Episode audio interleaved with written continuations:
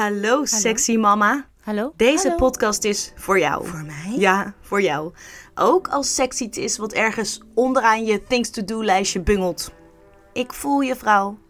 Mijn naam is Drees. Ik ben schrijfster en moeder van vier. En mijn wens is dat iedere vrouw, dus jij ook, in haar kracht gaat staan. Specifieker in je vrouwelijke sensuele kracht.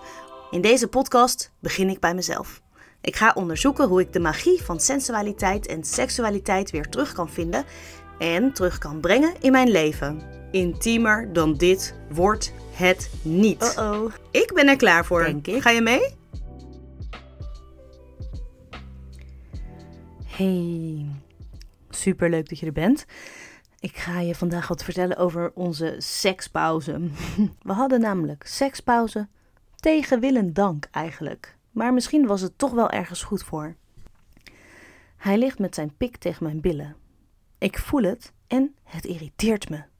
Hij weet dat ik niet beschikbaar ben.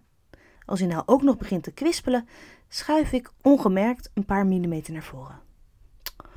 Wat had ik ervan gebaald? Na de winterse buien rondom mijn menstruatie was ik zo toegeweest aan het lente en vooral het zomerachtige gevoel dat daarna altijd volgde als ik richting ijsprong ging. Inmiddels lukte het me namelijk steeds beter om naar mijn lichaam te luisteren.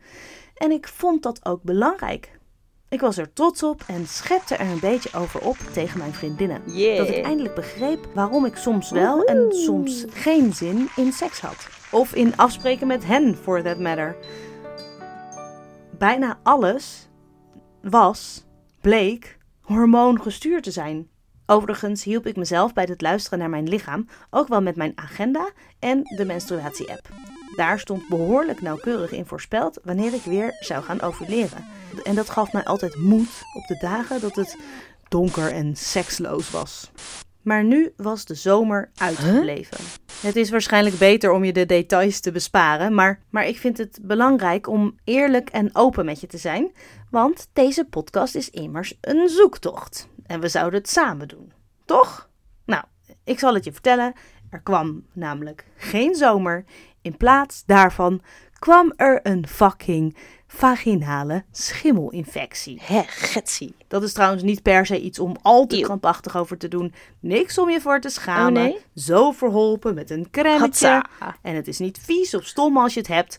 Maar het is wel heel erg vervelend. Mijn vagina voelde als nat karton dat elk moment kon scheuren. En het prikte heel erg. Niet sexy.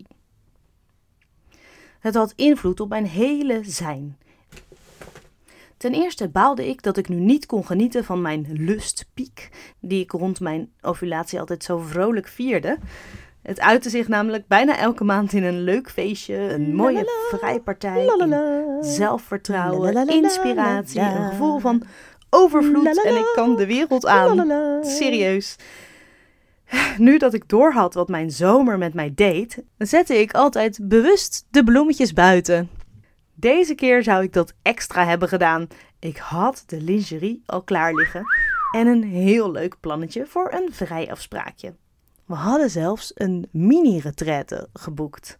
Oké, oké, niet super kinky of zo, gewoon met kleren aan. Maar toch, ik had wel een beetje bedacht dat ik lekker in mijn vel zou zitten als ik daar met mijn hele leuke man een dagje door zou brengen. Dat dat moment nu aan mijn eh, neus voorbij ging, vond ik gewoon een flikkerstreek van het universum. Nou. Overigens was het geen toeval.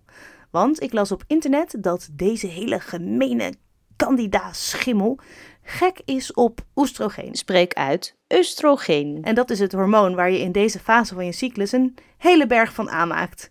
Het risico op een schimmel is dus tijdens je, eh, tijdens je ijsprong extra groot. Nou, lekker dan. Niks aan te doen. Behalve dat cremmetje dus en probiotica en appelazijn. Dat had ik gelezen op eh omaweetraad.nl. Eigenlijk had ik ook even moeten stoppen met suiker. Of misschien wel voor altijd. Maar ik had mijn chocola veel te hard nodig om mij te troosten. En ergens op de achtergrond daagde me het ook wel dat ik naar mijn lichaam wilde luisteren. Niet alleen naar die menstruele cyclus, maar ook naar dit geluid dus. Ja, en wat wilde meneer of mevrouw de schimmelinfectie mij nou eigenlijk vertellen? Ah, was gewoon domme pech. Ik schoof het opzij. En ik was ook echt gewoon te gepikeerd om te luisteren. Ik zag me al zitten, in lotus zit, met mijn ogen gesloten en mijn handen in een ingewikkelde mudra. Hallo, schimmelinfectie? Of zal ik je Candida noemen? Wat ik nodig had, was gewoon een filmpje en nog meer chocola. Maar de film boeide me niet. Stom is dat. Vroeger kon ik urenlang tv kijken, maar was er niks op tv. En nu kun je alles unlimited binge-watchen, maar vind ik er gewoon geen klap aan. Gek hè? Nou ja, dat terzijde. Ik probeerde wat meer informatie te vinden in het boek De Zin van Ziek Zijn van Thorold Dethlefsen. Ik hoop dat ik het goed uitspreek. Waarin veel interessante diepere betekenissen van ziektes en klachten en aandoeningen staan. Er stond helaas niks over een vaginale candida. Toch maar even googelen dan. Veel reclame voor nog meer cremmetjes. Totdat ik iets vond over grenzen. Hmm, zou dat het zijn? Gaat dit over grenzen aangeven? Nog dezelfde dag trok ik me vijf minuutjes terug. Ik, verzor- ik Oh. forceerde mezelf tot een gesprekje met mijn Joni. Ja, inderdaad. In kleermakers zit, lotus zit, dat red ik nog niet. En met mijn handen in de Yoni Mudra, die trouwens helemaal niet zo gewikkeld is. Google maar een keer. Hartstikke leuk om te weten als je een keertje contact wil maken met je Yoni. Aanrader. Maar goed, ik zat daar en het lukte me niet. Niks ervan. De volgende dag was de retrettedag.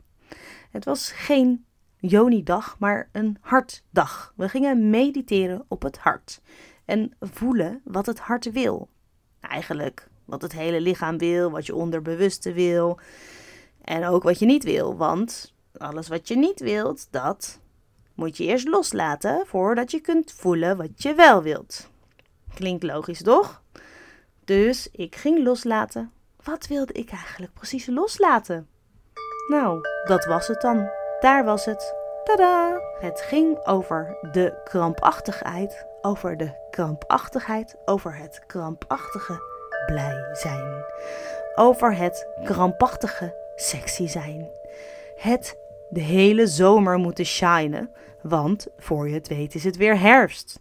Oké, ik was dan wel zover dat ik niet vier seizoenen lang probeerde te shinen, maar die zomer, dan moest het toch wel gebeuren. Under pressure. En ja, daar ging het dus over. Dat het alsnog moest gebeuren op dat ene moment. Dus mijn, mijn verwachtingen waren misschien wel wat realistischer. Dat ik niet meer in mijn herfst en mijn winter probeerde om de bloemetjes eh, buiten te zetten. Maar dan bleef er ook wel weer best wel weinig over om wel de bloemetjes buiten te kunnen zetten. Ja, en daar kreeg ik dus stress van. Ik kreeg deadline stress over alles in dat tijdsframe moeten wringen. Opzij, Ook als de kinderen bijvoorbeeld aandacht vragen. Of je werk. Of een candida-infectie, om maar wat te noemen. Vooral een candida. Candida betekent trouwens wit.